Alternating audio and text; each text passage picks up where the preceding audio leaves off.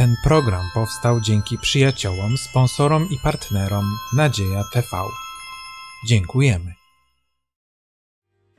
Witam w Kościele Adwentystów Dnia Siódmego w Podkowie Leśnej i zapraszam na studium Biblii zatytułowane Wojna widzialna i niewidzialna.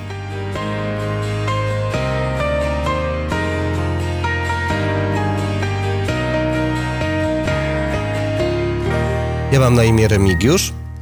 Dzisiaj wraz ze mną w studium uczestniczą Anna, Igor i Grzegorz. Przez ostatnie tygodnie studiowaliśmy Ewangelię Mateusza. Czasami studiowaliśmy duże partie tekstu. Ale dzisiejsze studium będzie oparte tylko na jednym zdaniu, które wypowiedział Pan Jezus, ale za to zdaniu, które jest dosyć kontrowersyjne, wywołuje różne pytania, różnego rodzaju a, poszukiwania różnego rodzaju odpowiedzi. I takich odpowiedzi będziemy my dzisiaj poszukiwali, ale nasze studium rozpoczniemy modlitwą. Ukochany nasz Ojcze, dziękujemy Tobie za możliwość studiowania Słowa Twojego, za to, że przez Słowo to chcesz nas uczyć, chcesz, abyśmy poznawali dogłębnie Twoje prawdy, dlatego zapraszamy Ciebie, Duchu Święty, na to miejsce, abyś oświecał nasze myśli, abyś dopomógł, aby te słowa, które będziemy czytali, którymi będziemy się dzielili, wzbogacały nasze życie każdego dnia. O to proszę w imieniu Pana naszego, Jezusa Chrystusa. Amen. Amen. Amen. Drodzy, co robicie z tekstami Biblii, które są dla Was niezrozumiałe? O, wydaje mi się, że nikt z nas nie powie, że rozumie każde zdanie i każdy tekst znajdujący się w Piśmie Świętym. Co robicie z takimi momentami, kiedy natykacie się na tekst Biblii, Biblii który jest dla Was niezrozumiały? Powiem tak, ja nie znam ani hebrajskiego, ani greckiego, bo teolodzy byś od razu y, interpretacji szukali w tych językach oryginalnych. Dlatego często szukam czytam kontekst cały, nie jeden wyrwany wiersz mm, z Pisma Świętego, bo takich jest kilka, że trudno je zrozumieć i myślę, że i o takich będziemy dzisiaj rozmawiać. Mm, to jest jedna forma czytania w kontekście. Często y, tekst hebrajski czy grecki, oryginalny tekst pomaga, ale czasami nie pomaga, prawda? I właśnie, i właśnie tu jest też problem więc y, rzeczywiście właśnie najpierw patrzymy na ten bliższy kontekst, a jeżeli y, nie jest, nie jest nam jasne z bliższego kontekstu, to wtedy patrzymy, gdzie mamy w najbliższym kontekście, czyli na przykład w Ewangeliach, czy też w Nowym Testamencie, ten temat wyjaśniony. Prawda? Czyli, na kontekst. przykład kontekst, mhm. tak, kontekst, kontekst szerszy. No i wtedy powinno nam to wyjaśnić, tak? Jak nie, nie wyjaśnia, wtedy jest, jest naprawdę tekst, który, który właśnie jest niezrozumiały i jest, wiele mhm. takich tekstów mamy, którym do końca możemy dać pełną Y, czy też szerszą interpretację danego fragmentu, tak? Tych zasad jest bardzo dużo, bo chociażby możemy porównać zagadnienie, które jest poruszane. Jeśli mówimy o Królestwie Bożym, możemy sprawdzić w całym Piśmie Świętym, gdzie, to gdzie e, zestawienie tych dwóch słów występuje i wtedy porównujemy. Natomiast dla mnie istotne jest również i to, e, aby odnieść to do kontekstu kulturowego także. W jakim okresie czasu to się działo, prawda? Jakie były zasady wtedy funkcjonujące w Izraelu? Jak Izraelici czy Hebrajczycy zapisywali pewne fragmenty Słowa Bożego, bo to też jest istotne, ale również y, kontekst sytuacyjny jest istotny, prawda? Do kogo Jezus mówił, z kim rozmawiał, w jakich okolicznościach to wszystko ma miejsce. Dobrze, spróbujemy dzisiaj, stosując podane przez Was metody, ale także jeszcze jedną, którą ja chciałbym podpowiedzieć, mm, zadawania pytań tekstowi, bo zazwyczaj ja tak robię, kiedy natykam na coś nieznanego mi, to jakby odbijam piłeczkę i ja zaczynam zada zadawać pytania tekstowi Biblii. Stosując podane przez Was metody, spróbujemy zrozumieć jedno zdanie wypowiedziane przez Pana Jezusa. Chciałbym, żebyśmy przeczytali teraz to jedno zdanie, które zostało zapisane w Ewangelii Mateusza w 11 rozdziale i 12 wierszu. To jedno zdanie, które będzie przedmiotem całego naszego dzisiejszego studium, abyśmy przeczytali w różnych przekładach Pisma Świętego. Pozwólcie, że ja zacznę i będziemy czytali po kolei. A od dni Jana Chrzciciela, aż dotąd królestwo niebios doznaje gwałtu i gwałtownicy je porywają. Y, Ja czytam z Biblii Gdańskiej. A ode dni Jana Chrzciciela aż dotąd Królestwo Niebieskie gwałt cierpi, a gwałtownicy porywają je. W Biblii Tysiąclecia tekst ten brzmi następująco. A od czasu Jana Chrzciciela aż dotąd Królestwo Niebieskie doznaje gwałtu, a zdobywają je ludzie gwałtowni. Biblia Warszawsko-Praska. Od czasów Jana Chrzciciela aż dotychczas Królestwo Niebieskie gwałt cierpi i gwałtownicy zdobywają je siłą. Dziękuję bardzo. Spróbujemy zadać pytania tekstowi. Kim są gwałtownicy? Osoby, które dokonują swego rodzaju przestępstwa, jakiegoś gwałtu na czymś, na kimś.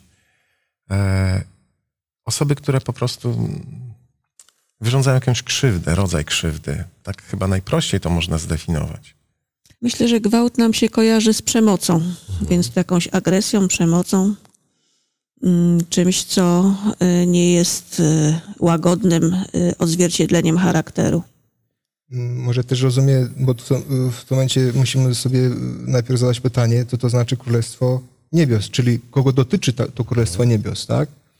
Jeżeli patrzymy na szerszy kontekst, to rzeczywiście każda moc polityczna, czy też fizyczna, jakakolwiek moc, która właśnie występuje przeciwko wybranych ludzi bożych, bo, bo tak rozumie, że Królestwo Boże dotyczy wszystkim Księgi Daniela czy Objawienia, tego dotyczy, prawda, to rozumie, że właśnie wszystkie te moce, które występują y, wyraźnie przeciwko, przeciwko y, ludowi świętych Najwyższego, to, to, to właśnie oni są tymi, którzy, którzy gwałcą y, to Królestwo Boże.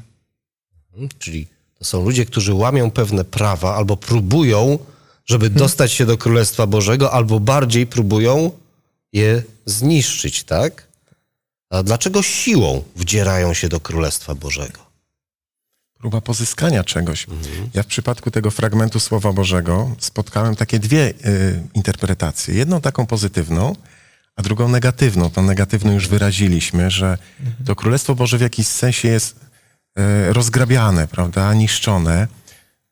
Z uwagi na to, że jest kontekst wskazujący na Jana Chrzciciela, możemy zwrócić uwagę na to, że dotyczy to właśnie jego służby, jego posłannictwa. Ale spotkałem też taki y, pozytywny aspekt czy komentarz do tego fragmentu, że to Królestwo Boże zostało już głoszone.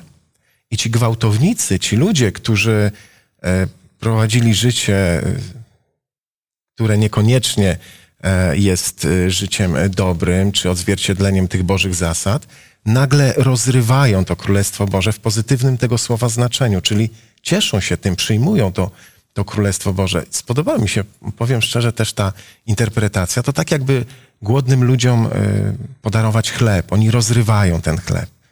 Dwie takie interpretacje, ciekawy, ciekawy sposób e, przedstawienia tego tekstu. To jest trudny tekst, dlatego o nim mówimy patrząc z różnych perspektyw. A to jest ciekawe, ciekawe i zobaczymy, właśnie szukając w różnych miejscach Pisma Świętego odpowiedzi, na czym ten gwałt polega i dlaczego tak bardzo ktoś chce gwałtem wejść do Królestwa Bożego i coś z nim zrobić.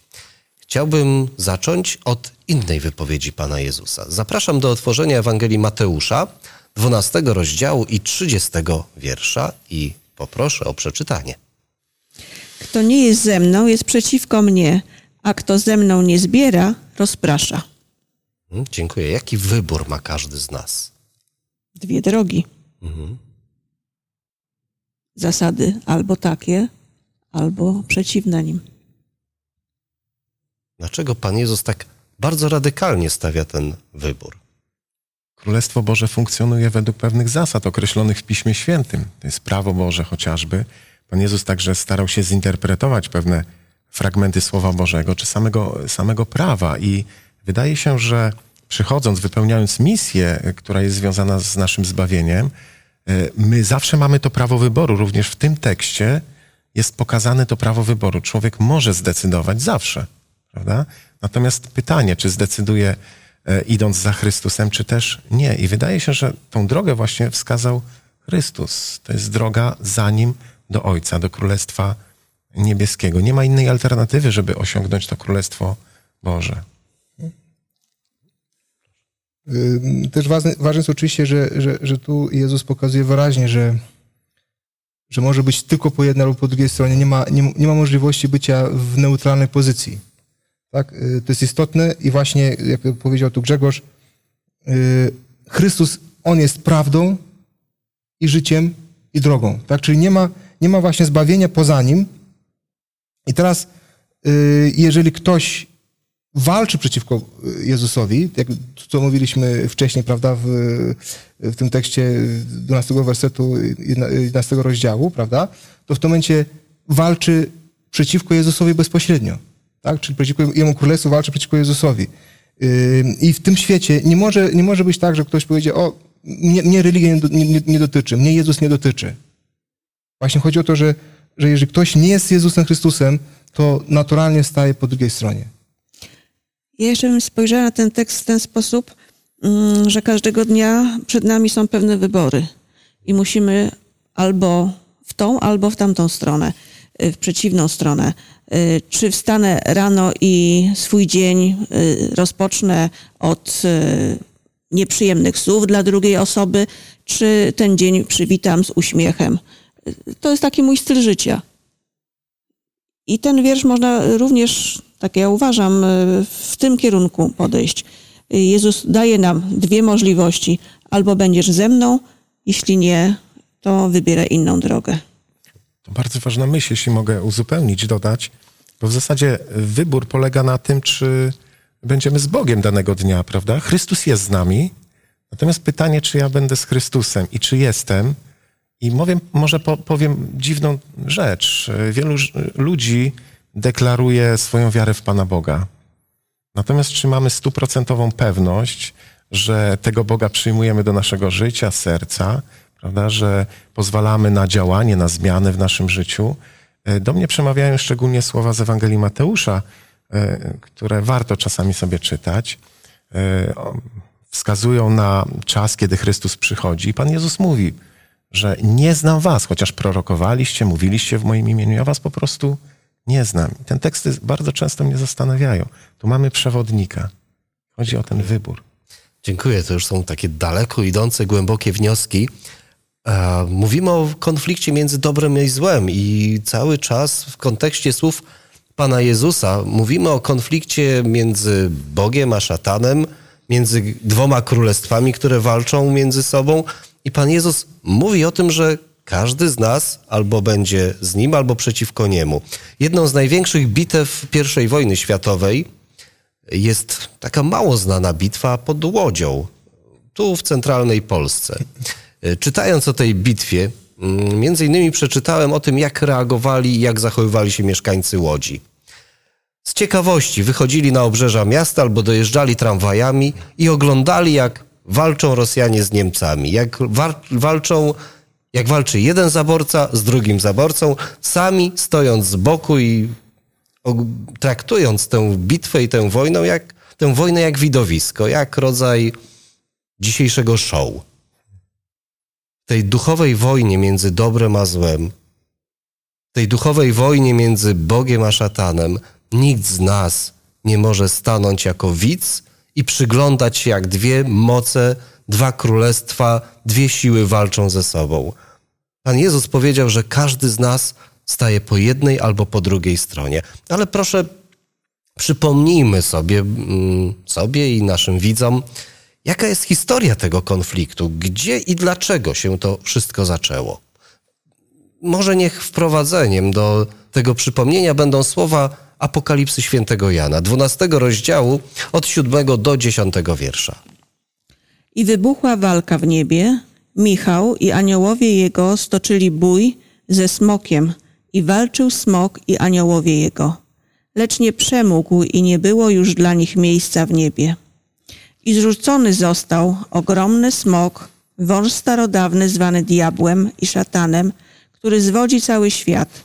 Zrzuc- Zrzucony został na ziemię, zrzuceni też zostali z nim jego aniołowie. I usłyszałem donośny głos z nieba, w niebie, przepraszam, mówiący: Teraz nastało zbawienie i moc i panowanie Boga naszego i władztwo pomazańca Jego, gdyż zrzucony został oskarżyciel braci naszych, który dniem i nocą oskarżał ich przed naszym Bogiem. Dziękuję. Gdzie zaczął się ten konflikt, ta wojna i co było jego przyczyną? Czytamy tutaj o realnej wojnie, prawda? O, o, możemy traktować ją jako symbol, jako wymiar duchowy, ale tutaj mamy obraz realnej wojny, realnego starcia dwóch wojsk. Dlaczego? Co było przyczyną takiego konfliktu już tam w niebie? Ten pierwszy wiersz, który czytałam, mówi o miejscu, gdzie walka się odbywa, że jest to niebo. W każdej walce muszą być dwie strony. Nie ma tej neutralnej właściwie obserwatorów. Oni mogą być, ale oni też y, po której stronie się opowiadają. Mm, Michał i aniołowie to była jedna grupa i smok to była druga, smok i jego aniołowie. Więc już mamy miejsce i mamy y, grupy, y, które walczą przeciwko sobie.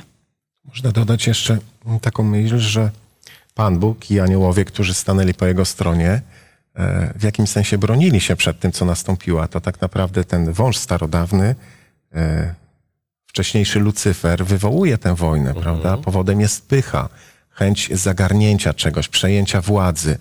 E, Takie, taka walka o, o siebie samego w jakimś sensie. I, i ta walka wybucha w niebie. możemy, możemy znaleźć właśnie, jak Grzegorz to wspominał, w 14 rozdziale e, proroka Izajasza. E, Mianowicie pokazane jest właśnie tło tej historii, że, że tam ten Lucyfer, czyli, czyli ten wąż starodawny, jak- my nazywamy go szatanem, on rozpoczął właśnie swoją dumę, yy, znaczy pozwolił, s- aby, duma ro- rodziła się w jego umyśle, no i stąd jakby chęć do bycia na równi z Bogiem. Tylko, że tutaj mam takie pytanie, czy, czy Pan Bóg nie byłby w stanie zniszczyć go? Czy to jest moca, czy, to jest walka na siłę, na moc? Przecież Pan Bóg mógł go zniszczyć, zniszczyć w, w, w jednej chwili. Jego i wszystkich tych aniołów. Przecież On stworzył i ma moc ich wszystkich zniszczyć. Zresztą, jak, jak rozumiemy w Piśmie Świętym, y, właśnie w Księdze Objawienia, że pod koniec y, tej księgi, prawda, pokazane jest, że Pan Bóg ich niszczy. I to, i to naprawdę nie, nie musi użyć wielkiej siły, tak? Czyli widzimy, że, że tu walka, która, która jest tu opisana, prawda, jest, jest pokazane, że, że właśnie y, Pan Bóg może nie tyle pozwala, ile walczy z tym, kto, kto, kto po prostu y, y, ma tą, tą, y, tą dumę, ma, ma tą chęć w zasadzie do, do bycia kimś wielkim, prawda? A Pan Bóg właśnie pokazuje, że, że On nie tyle dąży do tego, żeby, żeby był kimś wielkim, On dąży do tego, żeby był ład i spokój i aby panowało Jego panowanie, które, które polega na, na miłość i, i, i prawowierność. Czy, czy Pan Bóg mógł zniszczyć szatana? Mógł i nie mógł, tak mi się wydaje. A to dlatego, że obdarzył tak aniołów, jak i człowieka wolną wolą i dał prawo wyboru aniołom i człowiekowi. Proszę zwrócić uwagę na to, że ta jedna trzecia aniołów jednak opowiedziała się po stronie zła y, i my jako ludzie też mamy prawo, chociaż różnie korzystamy z tej wolnej woli, ale mamy prawo zdecydować. Mało tego, y, Pan Bóg poddaje się naszej ocenie nawet, prawda, osądowi. E, Pan Jezus, jak był na ziemi, pytał, za kogo ludzie mnie uważają, za kogo wy mnie uważacie. Ale Pan Bóg też chce, żebyśmy osądzili Jego wyroki, czy są sprawiedliwe, czy nie. Jest powiedziane w słowie, że nawet szatan przyzna w pewnym okresie czasu, że Bóg słusznie postępował. Posłuchajcie pewnej wypowiedzi. Konieczne jest, by każdy chrześcijanin wiedział, w jaki sposób ten bój wnika w każdą fazę naszego życia. Powinien zastanowić się nad tym, że obie przeciwne sobie moce wywierają wpływ i na jego życie, że on sam świadomie czy nieświadomie musi się opowiedzieć po jednej albo drugiej stronie. Jak waszym zdaniem ten wielki bój między Chrystusem a szatanem wkracza w każdą dziedzinę ludzkiego życia? Wiele wątków można tutaj wymienić, czy dotknąć.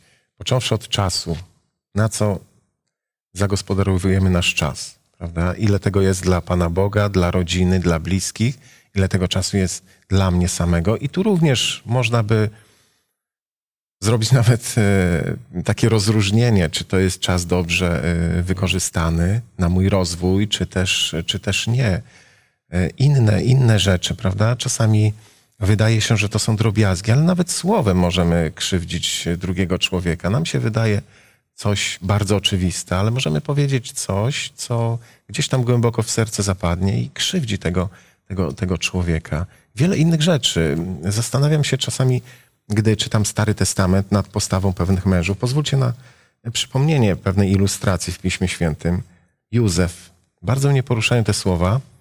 Kiedy będąc skuszony przez żonę Potyfara, on nie tylko mówi, że to nie jest właściwe, bo zgrzeszy przeciwko gospodarzowi domu, ale w jakimś sensie zgrzeszy przeciwko Panu Bogu, zasmuci Pana Boga.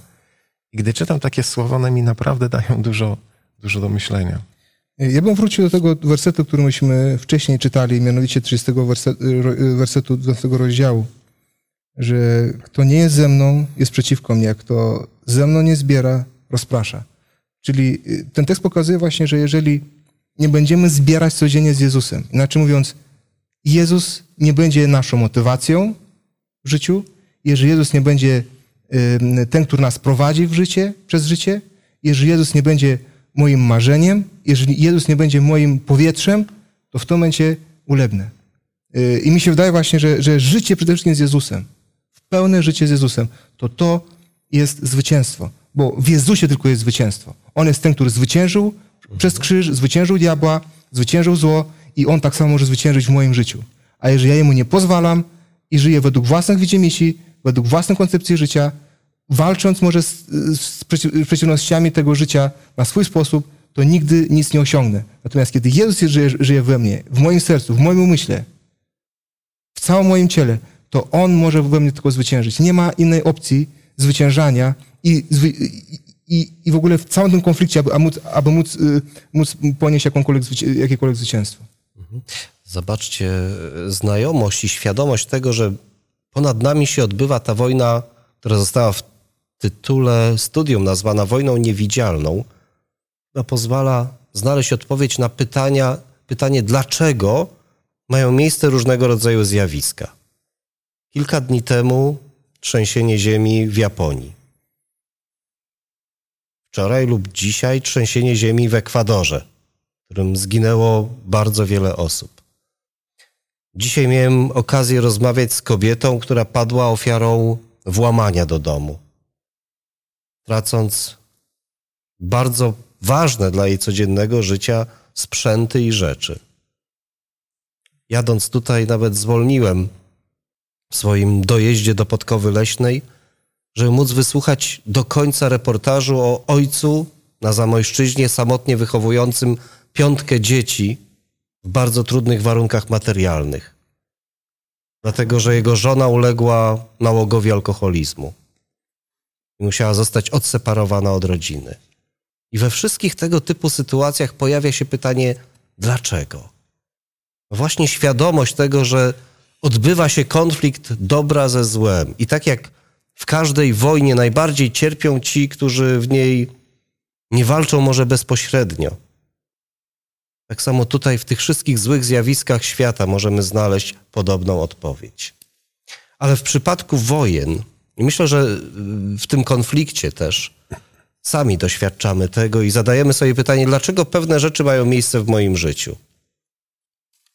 I właśnie świadomość, że odbywa się taki bój, pozwala odpowiedź, znaleźć odpowiedzi na pytanie. Ale, tak jak już Igor tutaj wspomniał, no każda wojna ma swojego zwycięzcę i przegranego. Rzadko która wojna kończy się remisem.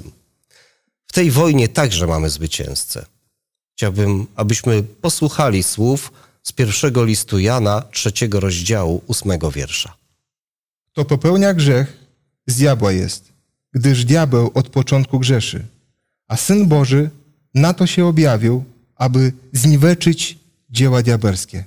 Dziękuję. Czy możecie przypomnieć, w jaki sposób Jezus niweczył dzieła diabelskie podczas swojej służby na ziemi? Pan Jezus przede wszystkim swoim życiem e, zapisał dobrą nowinę w praktyce. Tutaj widzimy jego zmaganie z pokusami. Okazał się doskonały w tym wszystkim. Widzimy zwycięstwo nad konsekwencjami, jakie przyniósł też grzech. Wiele uzdrowień, których przecież dokonał. Mało tego, mocy udzielał apostołom i z taką mocą Bożą rozsyłał ich, aby czynili dobro. No i najważniejsza rzecz, jego misja, która została przypieczętowana i zaprowadziła go na krzyż. Dzięki temu nadzieję możemy mieć i patrzeć z radością w przyszłość. Chrystus zbawił świat. Dlaczego krzyż był tą centralną częścią? Jezus zwyciężał pokusy. Nie dopuścił grzechu do siebie. W pewnym momencie powiedział: Diabeł nic we mnie nie ma. Jezus niweczył skutki grzechu, którym były choroby, opętania i inne dolegliwości ludzi. Ale dlaczego krzyż jest tym centralnym miejscem zwycięstwa? Bo za grzech musiała być poniesiona ofiara. I gdyby nie ofiara na krzyżu Jezusa, nie byłoby odpuszczenia naszych grzechów. Nie byłoby tego zniweczenia dzieła diabelskiego, jakim jest próba potępienia, próba doprowadzenia nas do potępienia. Jezus był wielkim zwycięzcą i wielkim bohaterem. Czy my możemy być zwycięzcami nad dziełami diabelskimi w naszym życiu? Myślę, że przy własnych wysiłkach na pewno nie. Natomiast e, z pomocą Jezusa Chrystusa, jeżeli tylko o taką pomoc będziemy prosili, jesteśmy w stanie. Dlatego, że dał nam przykład, że można żyć y, życiem, które będzie prowadzone bezgrzeszne. Chociaż człowiek jest y, w wielu miejscach upada, jednak może z Chrystusem być zawsze podniesiony. Chrystus daje taką możliwość. Może zacytuję tekst y, właśnie z tego pierwszego listu Jana, y, 18 werset 5 rozdziału. Wiemy, że żaden z tych, którzy się z Boga narodzili, nie grzeszy, ale że ten, który, który z Boga został zrodzony, strzeże go i zły nie może go tknąć. Y, Ten werset właśnie wskazuje, że, że jeżeli my jesteśmy z Boga, to diabeł nie ma do nas dostępu. I myślę, że to jest bardzo ważne właśnie w takim życiu, y, zmaganie się na co dzień z naszymi problemami, z, y, często y, z niepewnością, to jeżeli my przynależymy do Boga, musimy pamiętać, że diabeł nie ma do nas dostępu. Natomiast wtedy, kiedy się oddalamy od Boga, to, to wtedy właśnie diabeł ma największy wysiłek po to, żeby, żeby właśnie nas prowadzić na manowce. Oczywiście, kiedy jest- jesteśmy z Jezusem, też przychodzą, przychodzą pokuszenia, szatan nas atakuje i tak dalej, ale, ale właśnie o to chodzi, że wtedy, wtedy tak jak samo jak Jezus, prawda? Je, jeżeli jesteśmy z Bogiem, jesteśmy, jesteśmy w Jezusie, to naprawdę w tym właśnie zwycięstwo, prawda? Bo Jezus nas strzeże od, od złego. Fajne ideały, ale powiedzcie mi, co powiedzielibyście człowiekowi, który no właśnie dzisiaj do mnie po południu przyszedł, mój już taki dosyć dobry znajomy. Kiedy zaczął mi opowiadać o swoich pro- problemach zdrowotnych, wskazałem mu na jedną rzecz, którą jeszcze mógłby zrobić. Rzucić palenie. Kiedy przyznał się, że pali od ponad 20 lat, że, że nie może sobie z tym poradzić. Co byście w kontekście zwycięstwa nad a diabelskimi dziełami w życiu człowieka poradzili takiemu człowiekowi. właśnie cena prowadzenia wojen. Powiedziałeś o tym, że są zwycięzcy i przegrani, ale w czasie wojen są też ofiary. E, I bardzo często y, tymi ofiarami my jesteśmy po prostu na skutek naszych wyborów, decyzji. Czasami szatan tyle zła wyrządza w naszym życiu, że nosimy po prostu te konsekwencje, czy musimy się z nimi zmagać. No i e, jest doświadczenie, z którym, z którym trzeba się zmierzyć. Co zrobić? E, Do mnie przemawia Słowo Boże poprzez historię ludzi. E, czytamy w Starym Testamencie o miastach ucieczki. Było sześć łącznie tych miast ucieczki, trzy po jednej stronie Jordanu, trzy po drugiej. Jeśli e, ktoś nieświadomie popełnił grzech, mógł uciec. Natomiast nikt nie gwarantował, że ta osoba dobiegnie do tego miasta, ale w mieście ta osoba była bezpieczna. I myślę, że tak samo to działa. Zwróćmy uwagę, że Bóg powołując Abrahama, w lakoniczny sposób wypowiada się do niego.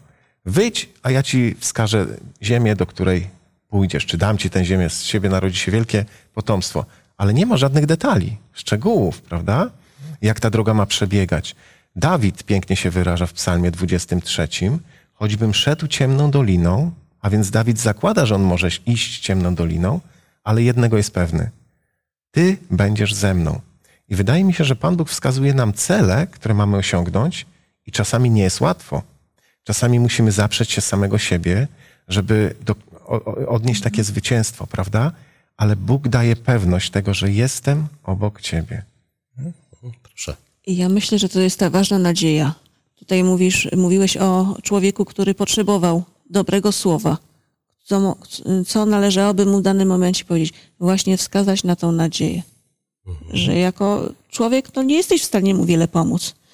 Ale wiem, że nawet modlitwa z taką osobą, która mm, nie, znaj- nie znajduje dla siebie żadnej nadziei i jest na bezdrożu, y, w którą stronę pójdzie, czy jej życie się już kończy, y, może dużo zdziałać.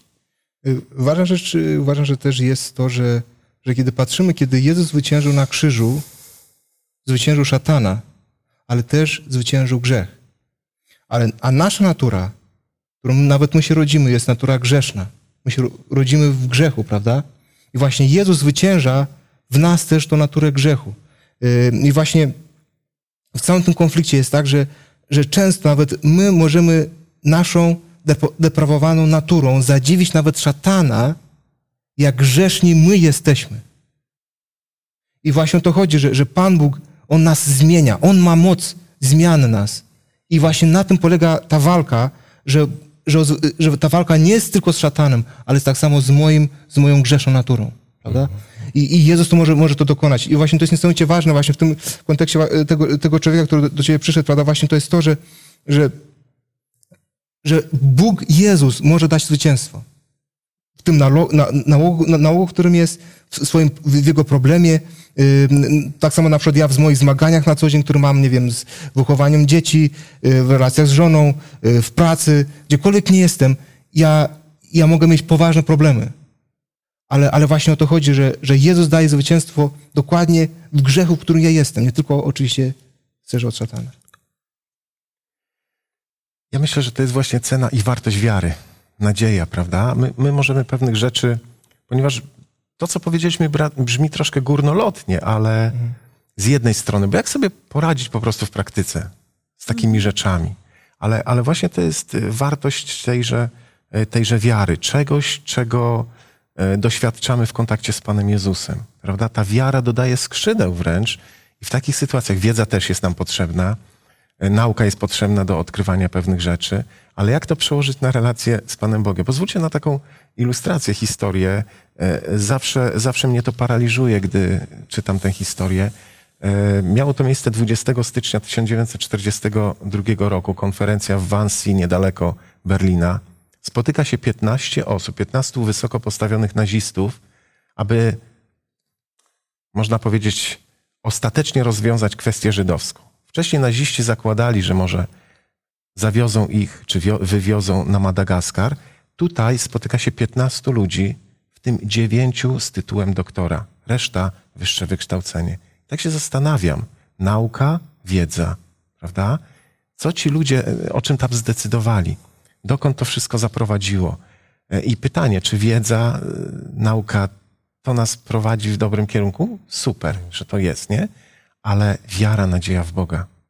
Pozwólcie, że w tym kontekście wojny przytoczę słowa apostoła Pawła, który daje nam bardzo konkretną radę, co powinniśmy robić w takich sytuacjach jak problem z paleniem czy inne rzeczy, które nam zagrażają. W liście do Efezjan w szóstym rozdziale Paweł radzi nam konkretnie, co mamy codziennie robić.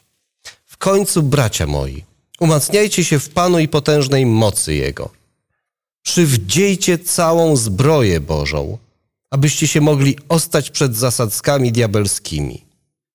Gdyż bój toczymy nie z krwią i z ciałem, lecz z nadziemskimi władzami, ze zwierzchnościami, z władcami tego świata ciemności, ze złymi duchami w okręgach niebieskich. Dlatego weźcie całą zbroję Bożą, abyście mogli stawić opór w dniu złym i dokonawszy wszystkiego ostać się. Jesteśmy częścią wielkiej walki. I tak jak w słynnym obrazie Matejki Bitwa pod Grunwaldem nie znajdziemy tam nagiego rycerza, bo każdy z nich był ubrany w stosowną do jego majątku zbroję.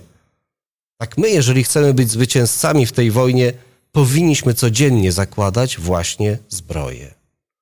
Wiemy, że ta wojna zakończy się. Wojen, które wybuchają, konfliktów zbrojnych, nie sposób jest do końca przewidzieć, jakim zakończą się wynikiem. Kiedy Amerykanie lądowali w Wietnamie, byli przekonani, że wygrają. Rozczarowali się bardzo. Gdy czytałem historię II wojny światowej, okazało się, że w, pewnym, w pewnej mierze o losach bitwy pod Stalingradem, a co za tym idzie całej II wojny światowej, przesądziły buty niemieckich żołnierzy, bo były źle uszyte, powodując odmrożenia i amputację stóp. Może mały detal, ale miał swój wpływ. Ale my znamy koniec tej wojny, prawda? Wiemy, że to, co zaczęło się w Edenie, zakończy się, jak napisał apostoł Paweł, starciem diabła w proch.